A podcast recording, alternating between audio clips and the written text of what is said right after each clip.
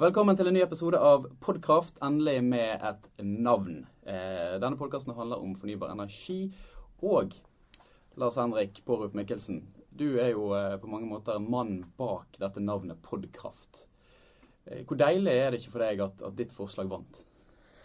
Jo, det er veldig bra. Så tenker jeg at det er fint å ha en plan B, som vi har snakket om før. Hvis, det, vi ser tallene liksom stupe nå, så kan vi liksom ta opp eh, gitar, uh, gitarkunnskapen og pianokunnskapen og så lage liksom det tyske rockebandet som vi har tenkt på, og så bare fortsette med en musikkpodkast. Og når du sier seertall, så, så, mener du at du helst vil være på TV og er litt sånn bitter for at dette bare er lyd? Han vises ikke dette på TV. det er en skjerm uh, bak deg. Eh, som du gjerne har eh, skjønt, så har vi med oss eh, mannen uten profilbilde på, profilbilde på Facebook, men med dagens lengste navn, Lars Henrik Pårup Mikkelsen, som fremdeles er leder i Norsk Klimastiftelse. Og eh, som sist, eh, en som har lovet oss et mer lyttervennlig Siv Stubbsveen-aktig toneleie. God ettermiddag. Jørgen Gunnmøsson fra Sparebanken Vest. Eh, altså Podkraft med K det er egentlig en amerikansk eh, kjøkkenprodusent. Så min, min, plan B er jo at de skal oppdage dette om et par år når vi har blitt store. Eh, saksøke oss. Og så må vi bytte navn i en, en ganske sånn, høy oppmerksomhetsrettssak.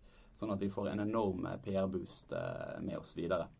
Jeg regner med Sparebanken finansierer advokatene hvis det blir det skal de ikke se bort fra. Og jeg er også veldig tilhenger av hyppig navnebytte på produkter som er, på en måte, er i et marked hvor, måte, hvor varen er eh, mindreverdig eller på en måte lik som alle andre. Så vil det på en måte det å hause opp merkevaren er eneste veien til suksess, hvor innholdet ikke er nevneverdig av betydning. Ikke at dette denne podkasten er eh, ikke er nevneverdig, men Jeg lurte litt på hvor du var på veien, men, men nok om det. Ja. I dag skal vi snakke om eh, noe stort, nemlig Kina. Eh, Kina investerer mest penger i fornybar energi. I 2014 så investerte de 83,3 milliarder dollar. De har flest ansatte innen fornybar energi, nesten 3,4 millioner i tallet. Opp 2,6 fra 2013, ifølge Irena. Eh, og de har òg et mål om å installere 17,8 gigawatt solenergi i løpet av 2015. Og for å sette det i perspektiv, så er det ca. 2,5 gang eh, av det USA installerte i fjor. Men før vi eh, tar det store bildet, så har jeg lyst til å snakke om en mann som heter Lee Henjun. Eh, og for de som eh, leste eh, norske aviser i forrige uke, så har de kanskje fått med seg at mannen med tilnavnet Solkongen, sympatisk døpt av Dagbladet, han hadde et tap på 110 milliarder kroner på under en halvtime for selskapet sitt Hanergy. og de er vel fremdeles suspendert fra børsen, så vidt jeg vet. Og så tenker jeg, eh, Jørgen, som, som økonom, hva, hva, hva, tenker du når, når, et selskap så til de grader stuper i løpet av 20 minutter, uten at man egentlig har fått en veldig god forklaring på Det er ganske bemerkelsesverdig, og det er jo og bemerkelsesverdig og urovekkende, vil jeg si. Altså Det som skjedde, var jo det at han ikke møtte opp på eh, generalforsamling eh, uten å si hvorfor, og, ikke, ikke, eh, og da tilhørende pressekonferansen. Og da begynte folk å lure. Eh, og det er jo åpenbart da at eh, det første man begynte å tenke på, eller i hvert fall vestlige investorer, da, eh, her er noe som har liksom kokt bøkene. og noen skriver 'tynn suppe'. Så dette kan jo være et, et, selskap som har blitt drevet veldig opp eh, av forventninger som ikke var til stede. Litt sånn eh, tulipan i Nederland, eh, nesten. men det er det ene. altså Dette kan være et enkelttilfelle. Eh, det verre er hvis dette er på en måte en indikator og en forvarsel på noe større som pågår i Kina nå. For vi vet alle at økonomien avtar. Og det er usikkerhet rundt eh, særlig en bolig, eh, gjeldsfinansiert boligkrise som er på en måte under oppseiling. Og dette kan påvirke banksektoren også. så at det, det, altså det, som ja. er, altså det som er spesielt, er jo de er sånne enorme verdier da, som plutselig har, har rast. da. Men hvis du tar liksom solenergimarkedet, så har man jo òg sett det samme i en del eh, på en måte i USA og Europa, hvor en del av på en måte selskapene har blitt veldig store, og så har de plutselig cash, eh, altså på en måte falt i verdi. Det er vel liksom tegn òg på et nytt marked, før ting har liksom eh, satt, satt, seg litt. Ja. Eh, jeg skulle, jeg skulle, at kanskje ja. det samme som skjer nå i Kina òg. At eh, ja, for jeg tenkte, når jeg leste det, så tenkte jeg at dette er liksom dotcom-boblen eh, på nytt igjen. Det var det første som slo meg. Er det, altså, det er mye, sikkert mye som er er ulikt det, men, men det var eh, Ja, men det er noe symptomatisk med dette her at eh, Dette er ikke første gang vi ser store prisendringer på børsen på solenergiselskaper. Altså, vi, må, skal jo ikke, vi kan jo i vår egen bakgård, REC, eller REC, da, hadde jo også et veldig altså Der var det jo veldig forventninger til eh, nesten global eh, global takeover. Eh, til slutt så falt det som en sten, ikke sant. Og, og nå kjøpt opp av eh, kinesiske selskaper, ironisk nok. nettopp. Og, og det tror jeg er litt, litt av utfordringen med, med, med, med nye selskaper på børs. Det er på en måte forventninger til fremtidig produksjon. Og markedet må lære seg litt hvordan dette fungerer også. Og det tar tid. Og det, det skaper i hvert fall større svingninger i markedspriser, aksjepriser. Og vi vet jo at investeringer i dette her har jo eh, steget veldig, og så falt veldig. Og du har fått overkapasitet, og nå snakker man om underkapasitet. Og det gjør jo at i hvert fall den overkapasiteten, som er den store investeringen som vi har hatt i det siste, har gjort at er en delvis forklaring til hvorfor prisen har falt så mye. Og, og det, gjør, det gjør på en måte investerings... eller i hvert fall investorene mer usikre på hvordan de skal prise dette selskapet fremover. Eh, og jeg tror det er litt sånn vi går mot en sånn type winner takes it all-produksjonssenter. Og Kina er på vei dit. Og det gir større utfordringer til eh, andre selskaper som er i konkurranse med kinesiske selskaper. Og også internt mellom kinesiske selskaper også. Mm. Vi skal komme tilbake til, eh, til industrialisering og bedriftskamp litt senere. Men eh, Lars Henrik, hvis vi går tilbake til makrobildet. Hvor, hvorfor gjør Kina det de gjør på energifeltet? Altså, akkurat nå så er det jo så er jo på en måte egentlig alles øyne rettet mot Kina. For det som eh, det nå kommer inn et tall på, det er jo at eh, kullforbruket da, i, i Kina eh, det, det er tall som indikerer at det er på, vei- ned. Altså de var, gikk ned i, eh, i 2014. Eh, og eh, i de første fire månedene i år så, eh, så er det tall som viser at eh, det var nedgang eh, sammenlignet med i fjor. Og Det betyr, det gir direkte utslag på CO2-utslippene i, i Kina. Så er spørsmålet selvfølgelig kan man stole på de tallene, eller er det på en måte er det, er det hold i de? Um, hvis man liksom tar for gitt at, at det er eh, at det er faktisk en nedgang, at det er endring i kullkonsumet i Kina, så så, så, så er spørsmålet er dette varig trendskifte, Mm. eller er det som resultat av at eh, tregere økonomisk eh, vekst enn en tidligere? Men det som er interessant, er at Kina har jo på fornybarfeltet så har de massive planer for å bygge ut. Drevet fram av eh, et behov for mer energi, eh, behov for å gjøre noe med luftforurensningen, eh, vanntilgang. Så det er mange drivere som peker på at fornybarutrullingen skal på en måte fortsette. Og de har jo satt vanvittige planer for eh, de neste årene. Det var vel første måned i år hvor de installerte like masse sol som hele Frankrike hadde til sammen. Og det er noe med Kina, når de først på en måte bestemmer seg, så, så blir de i sånn vanvittig omfang. Og det skjer så fort at eh, det er vanskelig for oss i et land med fire millioner innbyggere å, å, å forestille, for, forestille oss. Jeg er helt enig, og jeg tror, jeg tror og det siste punktet du sa, det at når de først har bestemt seg, så er eh, Altså når Kina først har bestemt seg, så er det ingen som kan slå Kina på det. Og det er jo litt Man skal være forsiktig med å ta i bruk eh, begrepet velvillig diktator, men eh, det er jo et teoretisk begrep som også Jeg leste i historiebøkene at det Tito ble jo også omtalt som det eh, i begynnelsen. Men det er noe med det at eh, han eh, nye Han er ikke så ny nå lenger, men presidenten han i Jinping brukt dette begrepet 'den kinesiske drømmen'. Det handler litt, eh, litt om at Kina skal få flere ben å stå på. Og det er ikke bare en eksportleda vekst lenger, men det skal være en forbruksrelatert vekst. Og det skal være egeninvesteringer som man kan nyte godt av.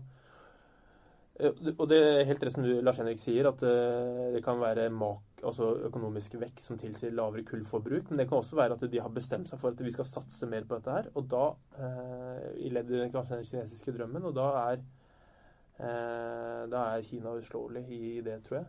Og det, Fristende å dra paralleller fra den kinesiske drømmen til det norske drømmeløftet som eh, ble lansert fra Innovasjon Norge i, i forrige uke. Ja. Eh, men vi lar den eh, Akkurat den tror jeg vi skal eh, la ligge. Eh, for så vidt unødvendig av meg å ta det opp i utgangspunktet. Men eh, altså er det sånn at, at Kina eh, Nå skal vi jo eh, være realistiske og si at eh, i 2014 så eh, kom fremdeles to tredjedeler av kinesisk energiforbruket fra kull. 17,2 fra olje og 5,5% fra gass, som, som, gir sånn grovt regnet 12 fra, fra øvrige fornybare kilder, inkludert eh, atomkraft. Så eh, for å på en måte presentere nå-bildet. Men, men, er det sånn at Kina er nærmest posterboyen på en omlegging? altså de fas, man, Hvis man da eh, tar forbehold om man stoler på kinesisk statistikk, at man faser ut kull og faser inn fornybar energi, som i hvert fall her i, i hvis du ser fra, fra et norsk perspektiv, eh, er det man snakker om. Altså kullet skal ut, og andre kilder skal inn. De sier vel det at enten så må de eh, må de på en måte gjøre noe med utslippene fra kull, eller så må de kvitte seg med, med kull. Og jeg tror at i sånn storby i Kina så tror jeg eh, med en eh, økende middelklasse som eh, ikke bare blir fornøyd med å ha mat på bordet, så de vil også ha ren luft, så blir det òg krav om at man må gjøre noe med luftforurensningen. Og denne videoen som spredde seg voldsomt, det var kanskje et tegn på at dette, dette er en plage for mm. kinesiske myndigheter. Og i Beijing nå så så kom det forbud innen 2017 med forbud mot uh, kullkraftverk. Så, så, det, så, det, er nok noe som skjer. Men uh, kull er fortsatt et stort problem. Og da er det jo uh, halvparten av kullforbruket det går til elektrisitet, og det andre til industriformål. Og Der òg er det jo interessant å se i var det forrige uke hvor kinesiske regjeringen kom med nye utslippskrav til den kinesiske industrien, som sa at innen de neste ti årene skal, så skal CO2-intensiteten ned med 40 eh, sammenlignet med det som, var, det som, er nivået i dag. Så du ser liksom på, på, på område, område, etter område så kommer liksom små drypp og små tegn om at her er det endring i uh, gjerdet. Det er, det er, jo veldig lett å la seg blende av eh, gode veksttall, altså solboom og sånne ting. Men eh, det er litt det samme som å si at arbeidsledigheten i Stavanger har økt med 50% men nivået er jo fremdeles lavere enn landsgjennomsnittet. Det Litt, litt det samme her, at du har en enorm vekst i, i, i solproduksjon. Men hvis solenergi utgjør kanskje la oss si 1-2 av det samlede energiforbruket, så skal det ikke så veldig mye til å vokse. Men det med kull altså, Men, det, men, det, det, det, er jo den holdningen som veldig mange eh, har hatt til solenergi. Det er derfor man har undervurdert det. For man har bare sett på totalen, og så sett at jo, men det er noe sånn smått Så vidt man enser liksom eh, nei, absolutt, men, fargene på, på, på skalaen. Men, ja, nei, det er jeg enig men, men det, poenget mitt var det at eh, jeg, jeg, tror det er litt vel eh, utopisk å tro at sol skal uh, erstatte kull med en gang. Men jeg tror kanskje kull kull blir erstattet av gass, for så annet fornybar etter hvert. Det er i hvert fall min tanke. for jeg, det å liksom kutte ut kull eh, og erstatte det med sol, det tror jeg blir vanskelig med dagens teknologi. Så jeg tror eh, vi må gå veien via gass. Det er i hvert fall mer realistisk i dagens teknologiske bilde. Men eh, vi, dette året, dette tiåret, dette, de nærmeste 50 årene, så kommer vi til å se enorme innovasjoner på fornybar energi. Jeg er sikker på at eh, utfordringen vi har i dag med å, å, å, holde på energien til sol når det er natt og, og, og skyer, og det på en måte ta vare på den og fordele den riktige strømnettet, det, dette er utfordringer som kommer til å bli løst de nærmeste ti årene. Det er garantert. Mm. Men dette med, med innovasjon eh, og, og, industrialisering Du nevnte jo i sted, mm. Jørgen, at når Kina bestemmer seg for noe, så, eh, så er de tilnærmet uh, ustoppelige. Eh, kan, man, kan man se en utvikling her der Kina egentlig tar hele verdensmarkedet? De, altså de produserer jo allerede i dag eh, til mye lavere priser. så Det er nærmest sånn made in China-variant eh, innenfor ja, så tror jeg altså, sett Kina har gjort strategisk oppkjøp. De har blant annet eh, gjort, altså de har tatt over Elkem, eh, del av Elkem her i Norge. Og Elkem, hva er det de gjør for noe? De produserer bl.a. silisium og ferrosilisium, som er viktig input til solcellepaneler. Så de gjør strategiske investeringer utenlands også for å få produksjonskunnskap. Og også tilgang til råmateriale. Og det tror jeg er viktig for å kunne ha hele den verdikjeden i produksjonen og kunne ha det der. For det er ikke Altså, Kina de er jo ekstremt flinke til å produsere ting billig.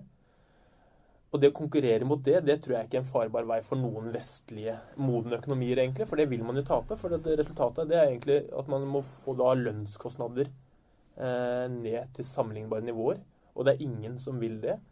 Så jeg tror alternativet for oss for å imøtekomme denne konkurransen er på en måte å Og det gjelder Norge også, det jeg tror her har Norge mye å bidra med. Det er jo å bruke den kompetansen vi sitter med eh, utvikle eh, utvikle eh, altså nye innovasjoner på hvordan man kan lagre sol bedre. altså Sånne typer produkter istedenfor produksjon, ren produksjon. For det tror jeg ikke vi kan Ingen, verken USA eller Tyskland, kan konkurrere med Kina på det. Altså Norge har jo òg tradisjonell industri som kun skulle hatt sånn der hvor, hvor arbeidskraften er billigst, mm. så, så ville jo ikke Norge hatt en sånn industri i Norge. Men det er klart at innenfor sol og fornybar Dette er jo teknologier. Så det at det, måte, det er masse innovasjon som er i vente, det, det, det tror jeg er helt, helt, opplagt. Altså bare det å gjøre solcellene mer effektive. I dag så har de en virkningsgrad på godt under 20% Så det å gjøre de mer effektive, jo, det krever jo forskning, utvikling, innovasjon og, kunnskap som kanskje miljøene her i Norge sitter på. Mm.